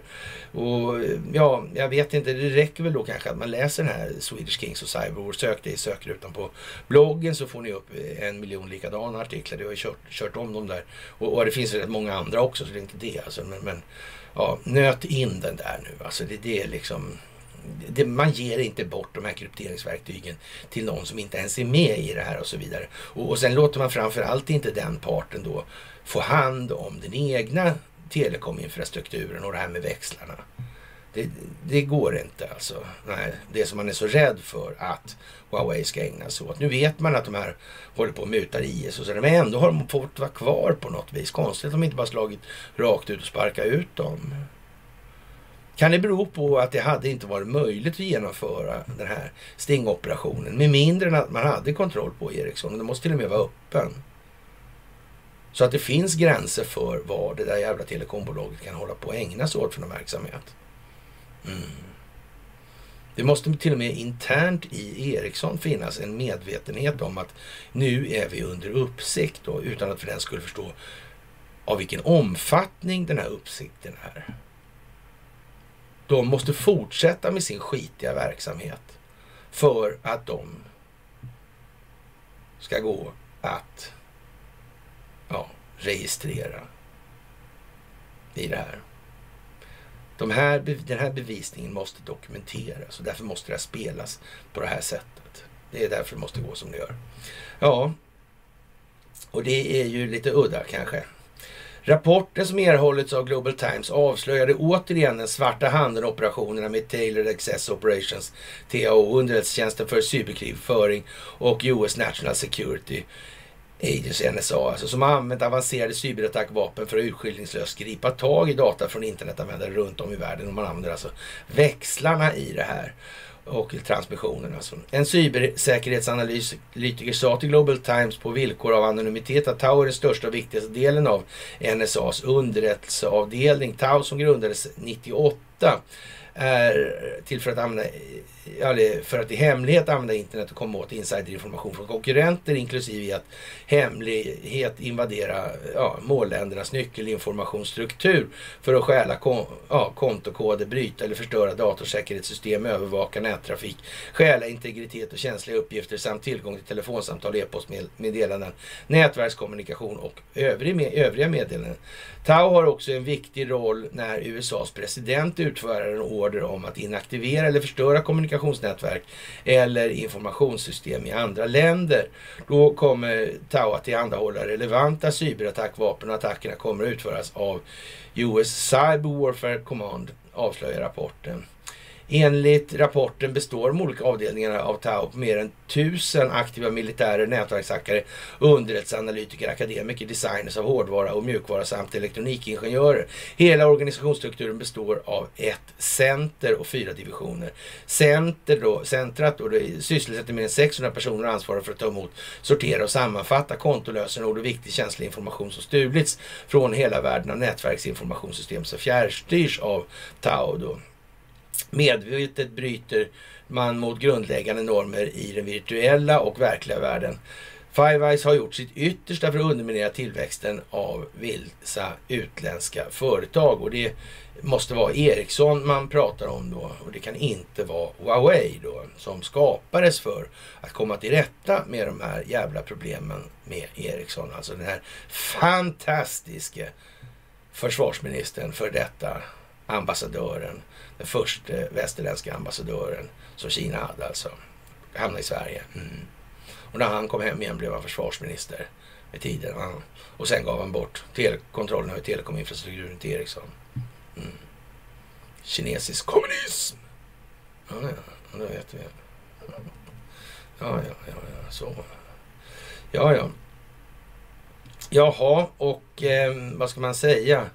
Eh, ja, i, ja, i namnet av att skydda den nationella eh, säkerheten har USA skärpt sitt grepp om exporten av chips och annan högteknologi till Kina. Den förbjöd också Kanada att häkta finanschefen för, för eh, Huawei, då, en ledande kinesisk leverantör av eh, smarta enheter inom IKT, i cirka tre år utan legitima skäl alls. Alltså. Ja. Och eh, Five Eyes lägger sig också i vad utländska konkurrenter håller på med och, och sätter dem på svartlista och sådana grejer över tekniska blockader och uteslutning. Och alla fem länderna har beslutat att förbjuda Kinas Huawei och eh, ZTE från sina 5G-nätverk. Och Sverige har ju då sparkat ut och det har Post och telestyrelsen bestämt då på inrådan av Säpo. Och har inte Säpo eh, ja, skit, har inte skitit sig för så skiter det sig när det här kommer upp alltså. Mm. Så det finns många saker. Så det är inte bara Noa-tantan där och ÖB och det här gänget alltså. Och mustkärringen då. Det finns lite till alltså i det här. Ja, Förutom att ta till relativt hemliga medel för att uppnå sina politiska agender då, så tillgriper Fivas också brutala och blodiga krig för att störta regimer i andra länder utan att visa respekt för internationell rättssuveränitet och människoliv alltså. Och, och, det kan man ju tycka är liksom lite dumt kanske. Och, och, möjligtvis måste man göra någonting åt det här nu. Och ta det 20 år långa kriget i Afghanistan som ett exempel där knappt något deltagande land drog sig ur med händerna obefläckade av blod. Tillbaka under 2019 sa 11 brittiska detektiver i de här sammanhangen i ett utredningsteam till BBC då, och Sunday Times att det fanns trovärdiga bevis på krigsförbrytelser och efterföljande mörkläggning i Afghanistan på den verksamhet som engelsmannen bedriver där då. Och eh, Australien köpte, släppte 2020 en Brereton-rapport om sina truppers missförhållanden i Afghanistan som hittills eh, ja, varit rätt omfattande. Alltså, de hittade bevis som kopplade samma 25 australiensiska försvarsstyrkepersonal då, i dödandet av 39 civila afghanska och krigsfångar. Men vad är det, för, vad är det där för någonting? Vad är det man bedriver för verksamhet? Det gjorde de väl knappast för att vara roligt. Det måste ju liksom sitta ihop med någonting annat. Det är ju naivt att tro att de bara gör det för det är roligt för att man kan. Så jävla eh, muppigt är det nog inte. Man skulle kunna säga så här, om det pågår en massa djupa statenverksamheter så, som så att säga sätts i risk för att eh, en massa skyttelassar flippar. Då kan man säga, då hade djupa staten blivit ordningsman i klassen. Rakt av alltså. Mm. Det är nog snarare ett tecken på att det här är någonting annat alltså. Mm. Det är så illa man får se det. Faktiskt. Ja, ja. Mm. Ja, USA dödar civila också naturligtvis. Och eh, ja, Genom att vända blicken och smutsiga händer till andra länder har de här Five Eyes-länderna då inte visat något intresse av att få ordning på sitt eget hus alltså överhuvudtaget. Det gör man ju inte alltså. Och de flesta av länderna har inte tagit tur med sitt mörka arv av att misshandla ursprungsbefolkningen genom slakt, utvisning och eh, påtvingad assimilering. Och kan det vara därför som den här eh, samefrågan kommer upp nu? Mm. Nu är det inte så att samerna ska ha större rättigheter än någon annan. Alla ska ha lika rättigheter. Så är det.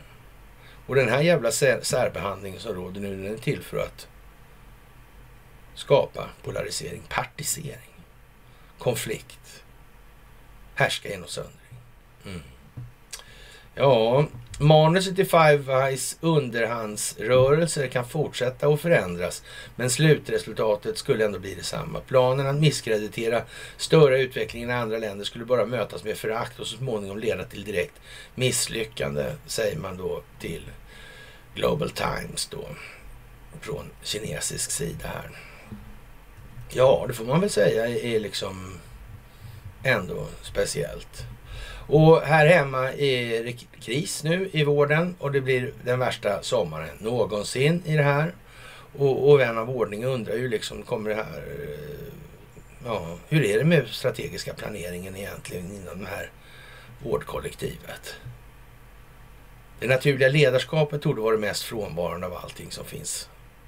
Det borde ju vara det bästa stället av allting. Det borde ett ställe enbart bestående av idealister eh, som i ett tillräckligt antal gör att det här går att balansera upp mot samhället i övrigt. För där finns det en mycket medveten, eller medvetet medveten och utvecklad befolkning som inte främst ser till att sko sig själva och så vidare och tjäna en hacka på andras bekostnad. Mm. Det är ju så som sagt, vi har vad vi förtjänar av en anledning. Så är det också. Jaha, och det här med att tala om i förväg då militära doktriner. Det här överraskningsmomentet är överskattat. Det är därför det heter överraskning då. Eller så. Ja. Xi härmar Putin genom att tillkännage hans särskilda militära avsikter och operation alltså. Och eh, Östasien blir en aktiv, mer aktiv region nu för tiden. Taiwan engagerar sig allt mer med världen för att bli en viktig handlings, handelspartner för flera nationer i ett försök att omintetgöra Kina. Xi har snabbat på och komma till mål i det här då, då och eh, ja, nu är det ju så att eh, Taiwan är, ett, det är one China här och ja, som sagt, det är ju det ena eller andra här nu. Mm. Faktiskt. Taiwan ska brytas ur, men det ska inte Donetsk och Lugansk. Mm. När, när, när blir det inkonsekvent resonemanget egentligen? Kan man få veta liksom hur själva den här ser ut då, den här ja, bedömningsskalan? När någonting är det ena och, men inte det andra då? Det är konstigt. Och kanske är det meningen att man just ska se det här alltså? Faktiskt, jag är inte säker på man ska, hur man ska se det här. Alltså. Och eh, ja, Kinas eh, president kopierar då Vladimir Putins metodval här och, och, och som jag sa just det här med, med ja, särskilda militära operationer utomlands då. Klockrent alltså. Mm. hur är det då med Taiwan? Ska det få brytas ur då? Men inte Donetsk och Lugansk. Nej. Är det meningen att man ska ta sånt jävla spefågeldravel på allvar? Jag tror inte det. Det kan man väl inte tro. Det låter ju helt motsägelsefullt i alla fall. Mm. Vi kan, kan rösta lite med knappar om saken. Jag vet inte. Så, så blir det ju så. Det blir ju, behöver vi inte tänka så mycket. Det räcker ju att rösta bara.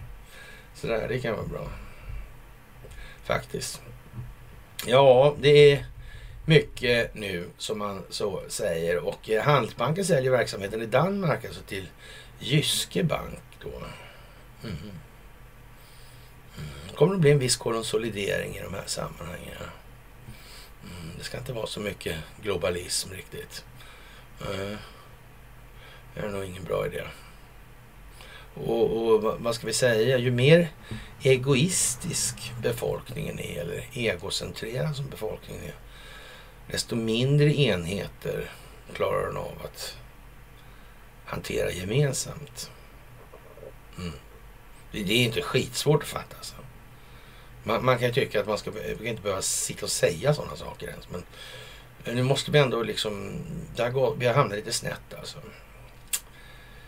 Har vi gjort. Och vi får göra om och göra lite mer, tänka lite annorlunda sådär. Och, så att säga, ta ett annat spår i, i tankebanan helt enkelt. Och det är ju som det är med den saken. Och eh, en eh, nobelpristagare skänker pengarna från sitt nobelpris till ukrainska. Man säljer nobelpriset och skänker pengarna till ukrainska barn. Då. Det är ju lite sådär eh, speciellt alltså. Mm. Ja. I litteratur. Ja, ja, men eh, så där. Mm. EU börjar lösas upp likt en brustablett. Jag vet inte om ni har hört någon säga något om det där tidigare, men vi kan väl ta lite om det i alla fall då. Eh, Europaparlamentarien varnar för Europeiska unionen är ur spår och tillskansar sig mer och mer makt. Jaha, ja, ja. Rättsstaten kan vara, bara vara demokratisk om den respekterar folkets suveränitet och därmed demokratin alltså. Europeiska unionen håller på att spåra ur totalt nu alltså. Katastrof alltså. Eh, ja, och, och blir något vi aldrig anmält oss till helt enkelt. Så britterna drog sina slutsatser och drog alltså. Eh, ja, det kommer det, de kommer inte vara de sista i, i det här då. Och eh, ja, som sagt, den där blir bara större. Den påminner lite om svenska försvaret. Det är fler administratörer och eh, skrivbordsgeneraler än vad det är aktiva soldater i fält alltså. Så där helt enkelt va. Är det ju. Mm. Som sagt. Och eh, ja, EU-domstolen, vad är det här egentligen? Som ett resultat av det här ställer sig medborgarna främst frågan, vilka är de här människorna som ingen någonsin har valt? Alltså, teknokrati emot demokrati, sa den konservativa parlamentsledamoten från Europaparlamentets golv alltså. Ja. Här frågar sig medborgarna vilka är de här främmande domarna som inte har någon, någon har valt. Alltså, juristokrati, det är eh, fan om inte demokrati det heller alltså. Och, och, kommissionen och domstolen konspirerar sen för att beröva medlemsländerna som inte vill böja sig för den här liberala sharia-lagen då deras rösträtt och utpressa dem ekonomiskt genom att undanhålla miljarder från ja, olika bistånd och fonder och sådär. Och vilket för övrigt alla nu inser handlade aldrig om corona till exempel utan om makt och kontroll alltså. Och, och ja, sen säljer de in det här maktöverlämnandet som ett, Eh, ett försvar för den demokratiska rättsstaten alltså. Det, det kan inte bli mer hycklande än så här alltså. Mm. Konstigt allt det här. NATO jättestökigt och EU jättestökigt. Och, ja, jag tror vi kommer lite till Israel också faktiskt i det här. Jag tror det kan bli så faktiskt. Jaha. Och eh, när det gäller Johnny Depp och Amber Heard, det, det får ju liksom hållas för vad det är liksom. Så kan man säga. Ja, det är lite halvjönsigt. Som sagt, 13 524 procent. Det är ju en hel del procent det. Och ja, vad är det här för något egentligen? Det är jättekonstigt. Är det. Mm. Och det måste vara så här konstigt. Folk måste stanna upp. Folk måste tänka till. Folk, folk måste reflektera lite i den meningen. Annars går det inte. Jaha, och eh, Aidarbataljonen är ju en sån här milisentitet då. Och man har blivit utbildade av då förbandsinstruktörer från USA. Mm. Och de här förbanden, eller vad vi ska kalla dem för, miliserna, de är avlönade alltså. Var kommer pengarna ifrån? Och så vidare. Och där har ni liksom, där har ni grunden i det här alltså. Och man har alltså bevisning nu, säger man från rysk sida, på att eh, eh ja, USA har tränat Ukrainas Aidar-bataljon. Alltså. Man har teknisk bevisning på det här då. Och, och, det är väl lite grann som det är med den saken då i så fall. Och Rebel History, vi har eh, ja, delar sådana här gamla historiska återblickar sådär. Och det, det, är lite bra att veta det här med till exempel hur det liksom kejsaren från mexikanska styrkan som avrättades då för ja, det 1867. Vad hände då samtidigt 1867? Ja, i Danmark så hade man ju just slutat med det här tramset efter 1864 och man hade ju, hade ju fått duktigt med stryk här och så kan man ju faktiskt titta vad som hände parallellt i världen här. Mm, och det här danska högmodet som ja, den här tokiga religiösa mm, det var liksom Schleswigska krigen. Ja. Mm. Det var konstigt. Det fanns på Netflix va? Ja. Mm. Ja, konstigt det där med massindoktrinering. Det kanske nästan Freud skulle ha sagt att de... Han stått i Anna var i alla fall mycket för det. Alltså, mycket med det här med CIA och MK Ultra och sånt där. Mm. Ja, ja. Jag vet ju inte. Jaha. Och eh, som sagt, eh, theericssonreport.com, alltså theericssonreport.com.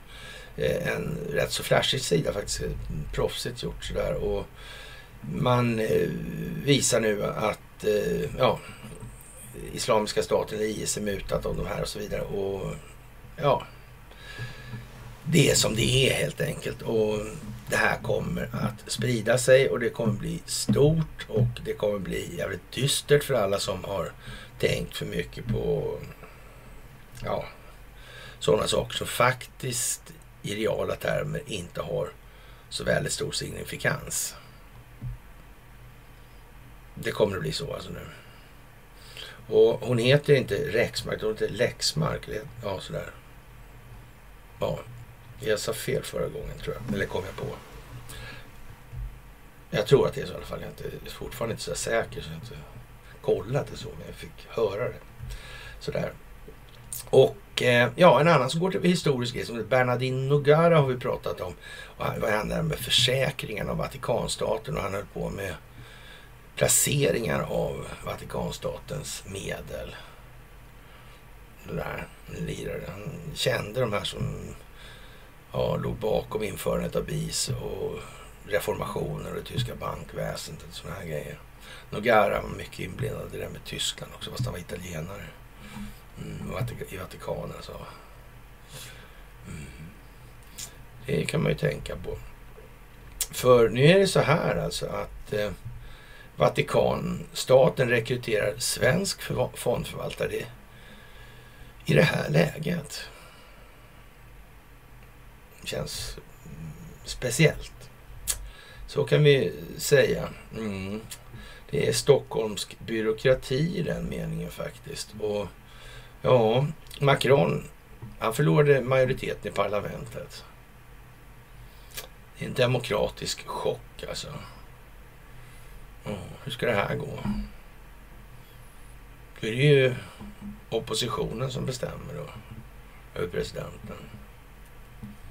Hur ska det gå? Konstigt alltså. Mm. Ja, ja. Och jag skulle vilja säga så här. Idioter som håller på och säger ja, äntligen en kvinna. Eh, vad är, vad är det man säger då för någonting? Man vill ha konflikter. Jag, jag tror inte att altruism och naturligt ledarskap är genusrelaterat. Och jag tror inte ens att det är en subjektiv betraktelse alltså. I den meningen. Men det måste vara så att man strävar så i alla fall. Alltså, även om man inser att det kanske inte räcker dit. Alltså, man, man får väl för en, ändå hålla sig för jävla god för att liksom blanda in det mest primitiva genus. Det finns två stycken. Ah, ja, Okej då. Det finns 102 stycken eller 1200. Ja, ni förstår vad jag menar i alla fall. På så, på så vis. Ja, det är ju lite grann sådär som står på som ni märker nu och eh, som sagt, vi kommer att få vad vi förtjänar vad det lider. Det är bara så. Och eh, bered er på nytt krig, säger en brittisk toppgeneral i de här sammanhangen. Och, och, den brittiska armén är ju, om vi ska säga som så, den är väl ungefär som den tyska. Den är i rätt dåligt skick alltså. Och egentligen har det här aldrig handlat om någonting annat än upprätthållandet av en kuliss då. Som i sin tur ska vara då kosmetika för de här gamla Ostindiska kompaniernas förehavanden tidigare. Sådär. Så det, det är ju liksom vad det är. Helt enkelt. Jaha, och eh, på tal om Israel då, amerikansk militärgrupp i samtal om att köpa, köpa Israels svartlistade Pegasus spionprogram. Och ja, vem vet vad... Om man, om man säger så här att amerikansk militärgrupp då alltså. Ja, om de då kollar då, då på det här och så kanske de hittar då att det här Pegasus är ungefär som vilket jävla Amazon som helst eller kanske till och med som ett Crowdstrike eller som Verizon eller något annat sånt här som är beroende av transmissionen på nätet. Hur fan blir det här då? Hittar de samma sak igen alltså? Mm. Ja, det vet man ju inte. Som sagt. Den eh, ryska koloniseringen av Amerika var, gällde ju då 1732 till 1867.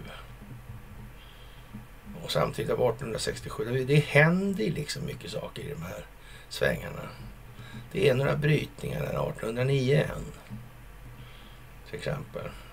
Inte minst här i Sverige. Lagstiftningsmässigt och grundlagsmässigt och maktkonstitutionellt. Mm. Konstigt. Det gäller att få ihop det där lite grann. Sådär. I underlivsporslinets fall så är det kanske lika bra att han inte är president just nu när det här med Ashley Biden kommer upp. Alltså. Det där är ju jävligt snaskigt. Och det, där var lite lattjo faktiskt för den här dagboken var, fanns på nätet då. För länge sedan alltså. Sådär. Och sen togs den där ner då sedermera och det var väl ingen så jätteupplyftande läsning det här med duscha med pappa och sånt där. Det kan man inte påstå. Det, det, det var väl sådär va. Helt enkelt. Och ja, vad ska vi säga? Eh, det där kommer ju att bli vad det blir nu. Alltså, det vill ju inte ens... Eh, I den situationen han befinner sig med, med sin familjesituation så är det väl snudd på man får fråga sig om... Ja, Jill Biden borde väl av lojalitetsskäl helt enkelt eh, be honom att tagga ner här nu och sen eh, göra en liten diskret sorti helt enkelt. Men, men, så kan det inte bli därför att de måste så att säga fylla sin roll i det här folkbildningsprojektet. De har liksom inte den förmånen att göra det valet. Så. Det måste bli som det ska helt enkelt. Ja, och som sagt, EUs nya planer på det här med obligationerna, det kommer ju inte rädda någonting alltså från kollaps. Det är bara så liksom. Överskuldsatt är överskuldsatt, skuldmättat är skuldmättat alltså. Det är vad det är. Och ja, det lär ju inte bli bättre av att göra problemen större om vi säger som så. Och som sagt, eh, mm, den europeiska unionen håller på att förlora sin betydelse. Ja, som sagt, under befäl av anglosaxare under lång tid. Ja, hur lång tid menar han egentligen? Menar han ett år eller menar han hur länge då? Ja, jag vet inte. Men han säger ju sådär i alla fall. Det är konstigt. Faktiskt. Ja.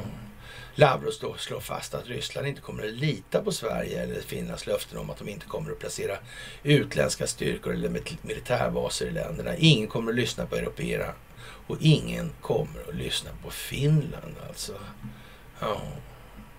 ja EU kommer ju ingen att lyssna på. Det behövs ju inte eftersom de inte EU finns då så småningom. I alla fall inte i den här tappningen och funktionen. Mm.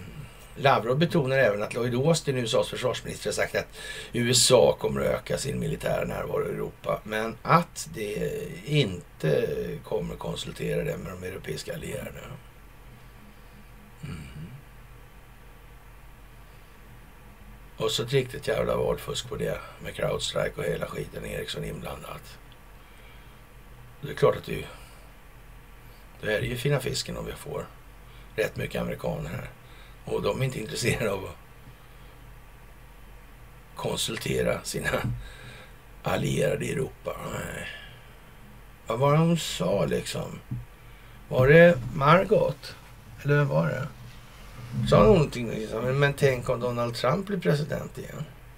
Sa hon inte så? Hon sa någon annan grej också. Sa hon inte så här, vi förlåter er aldrig sånt till Boris Johnson?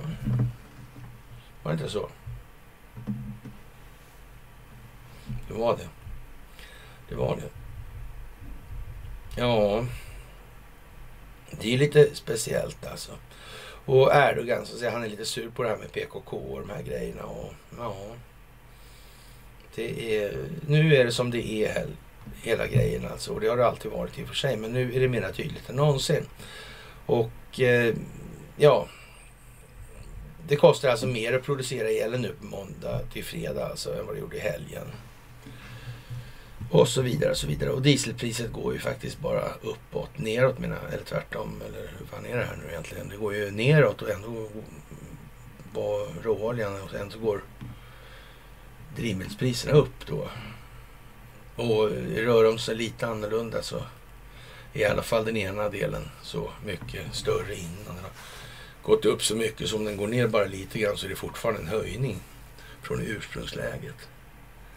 Men det kanske inte spelar någon roll, jag vet inte. Ja, ja. Det är ju lite speciellt alltså. Mm. Ja, vi har en massa saker att ta upp i det här och må många av de här äh, grejerna har ju historiska anknytningar. Till exempel det här med ja, Konstantinopels fall 1453 till exempel. När Mehmet var i farten där. Och, och det handlar om handelsvägar, det handlar om strategiska förträngningar, det handlar om kontrollen över strategiska naturresursflöden och så vidare i det här. Hela tiden. Och, och, det kan ju vara lite bra att komma ihåg, kan man ju tycka. Sådär. Och mm, faktiskt. Mehmet den andres belägring faktiskt var det i grunden här. Och ja, vi, ja vad ska jag säga. Det är ju som det är. Det är ju teater nu. För att dölja allt det här. Kommer historien ikapp, kommer ljuset i verkligheten ikapp. Eller ljuset av verkligheten ikapp. Ja. Det är som vindkraften. Vad är det där för något egentligen? Stora propellrar som gör vind. Ja, ja. Där ser man, där ser man. Mm. Ja, det är lite speciellt. Biden utser Kamala Harris då och ja, vad ska vi säga, sanningsministeriet igen då här och, och, och det dödar henne politiskt alltså. Mm, man undrar vad hon har gjort då i det här. Sådär och eh, i Calcutta så ska de inte köra det här eh, gamla Cosmopol, gamla kasinoköret nu. De ska stänga över sommaren. Mm. Det har ju vaskats en del stålar där genom åren. Det har ju varit det som var själva poängen. Va? Men sen har det ju då så att säga på något vis eh, kommit in någon form av, eh, vad ska jag säga, ja, andemening som inte är lika eh, indisk alltså. Det är no, någon, några krafter som tycker att det här gamla måste bort alltså. Det här blir en sjukdom åt helvete. Alltså det kan inte vara Giffarna och, och det här som är allena saliggörande i de sammanhangen. Alltså det måste till en eh, högre själslig bildningsnivå annars kommer det här ta ända med förskräckelse alltså. Mm. Faktiskt, ja. Hundratals kvar i kemisk fabrik i Ukraina, omöjligt att lämna. Hur var det här egentligen? Den här strider och ständig beskjutning gör det nu omöjligt att lämna fabriken. Vad är det här för fabrik egentligen? Vad håller de på med där? Mm. Varför hamnar de just där? Mm. Varför visste de att det där skulle vara en säkrare plats än något annat? Ja, ja. Mm. Ja, ja, det kan man ju kanske tänka sig lite sådär. Ja, och som sagt, eh, ja, på dagen för 118 år sedan mördades den ryske generalguvernören i Finland. Bra att veta grejer här. Mm. Historien är bra att känna till lite om. Faktiskt. Och eh, ja...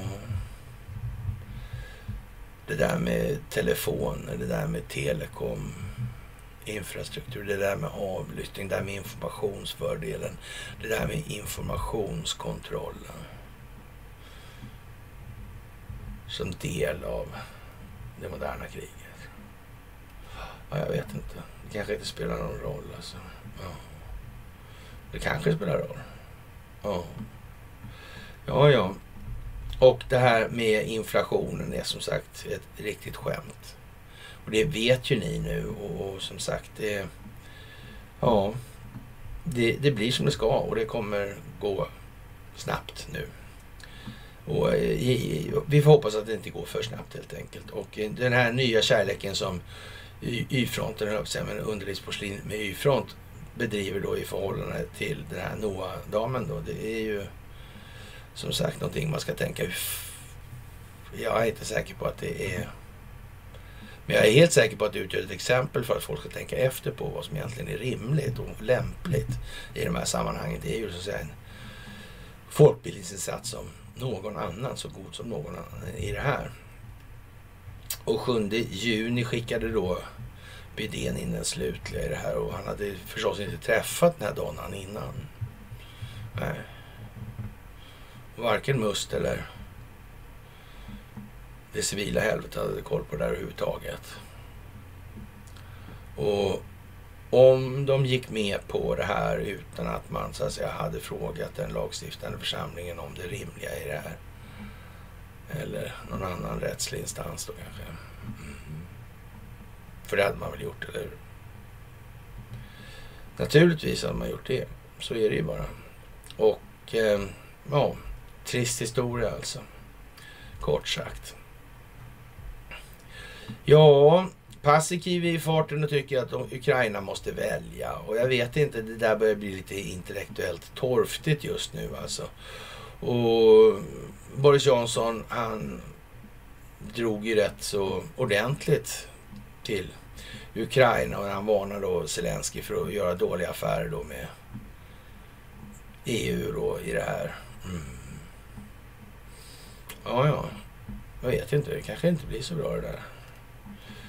Ja, det är tur att britterna pantar sig in sig så hårt i Ukraina då. Och generalen säger att vi kan förvänta oss krig. och Engelsmännen har gett bort alla sina pansarskott som de har köpt från Sverige till Ukraina dessutom. Mm. Mm. Det är ju konstigt alltså. Ja. Ja, det var bra att de går bort vapnen alltså. Det var ju tur faktiskt, det får man ju säga. Det, det måste man säga alltså. Ja. Och Assange åker till USA. Ja. Ja, ja. Som sagt, Tullkrims underrättelsetjänst tog vi upp lite i början där och, och man har ju då börjat jobba där nu och har haft gott om tid att vila upp sig nu under lång tid. Så det, det kommer ju bli en succé då naturligtvis när folk både är närvarande på jobbet och, och möjligtvis kanske också gör någonting då för första gången. Kanske någonsin, det vet inte jag, men, men det skulle kunna vara lite åt det hållet. Och, och ja, vad ska man säga? Ja, så... Eh, läckage från fabriker i Östeuropa säger man då om Oxycontinet, alltså som missbrukas i Karlshamn. Och det här är väldigt speciellt alltså. Det finns kanske sådana där fabriker i Ukraina. Kan det vara så jävligt alltså? Jag vet inte riktigt. Är, är det liksom någon, någon sån här äh, grej det här? Liksom där? Man har satt i system liksom. Jag vet inte faktiskt. Det är konstigt alltså. Ja.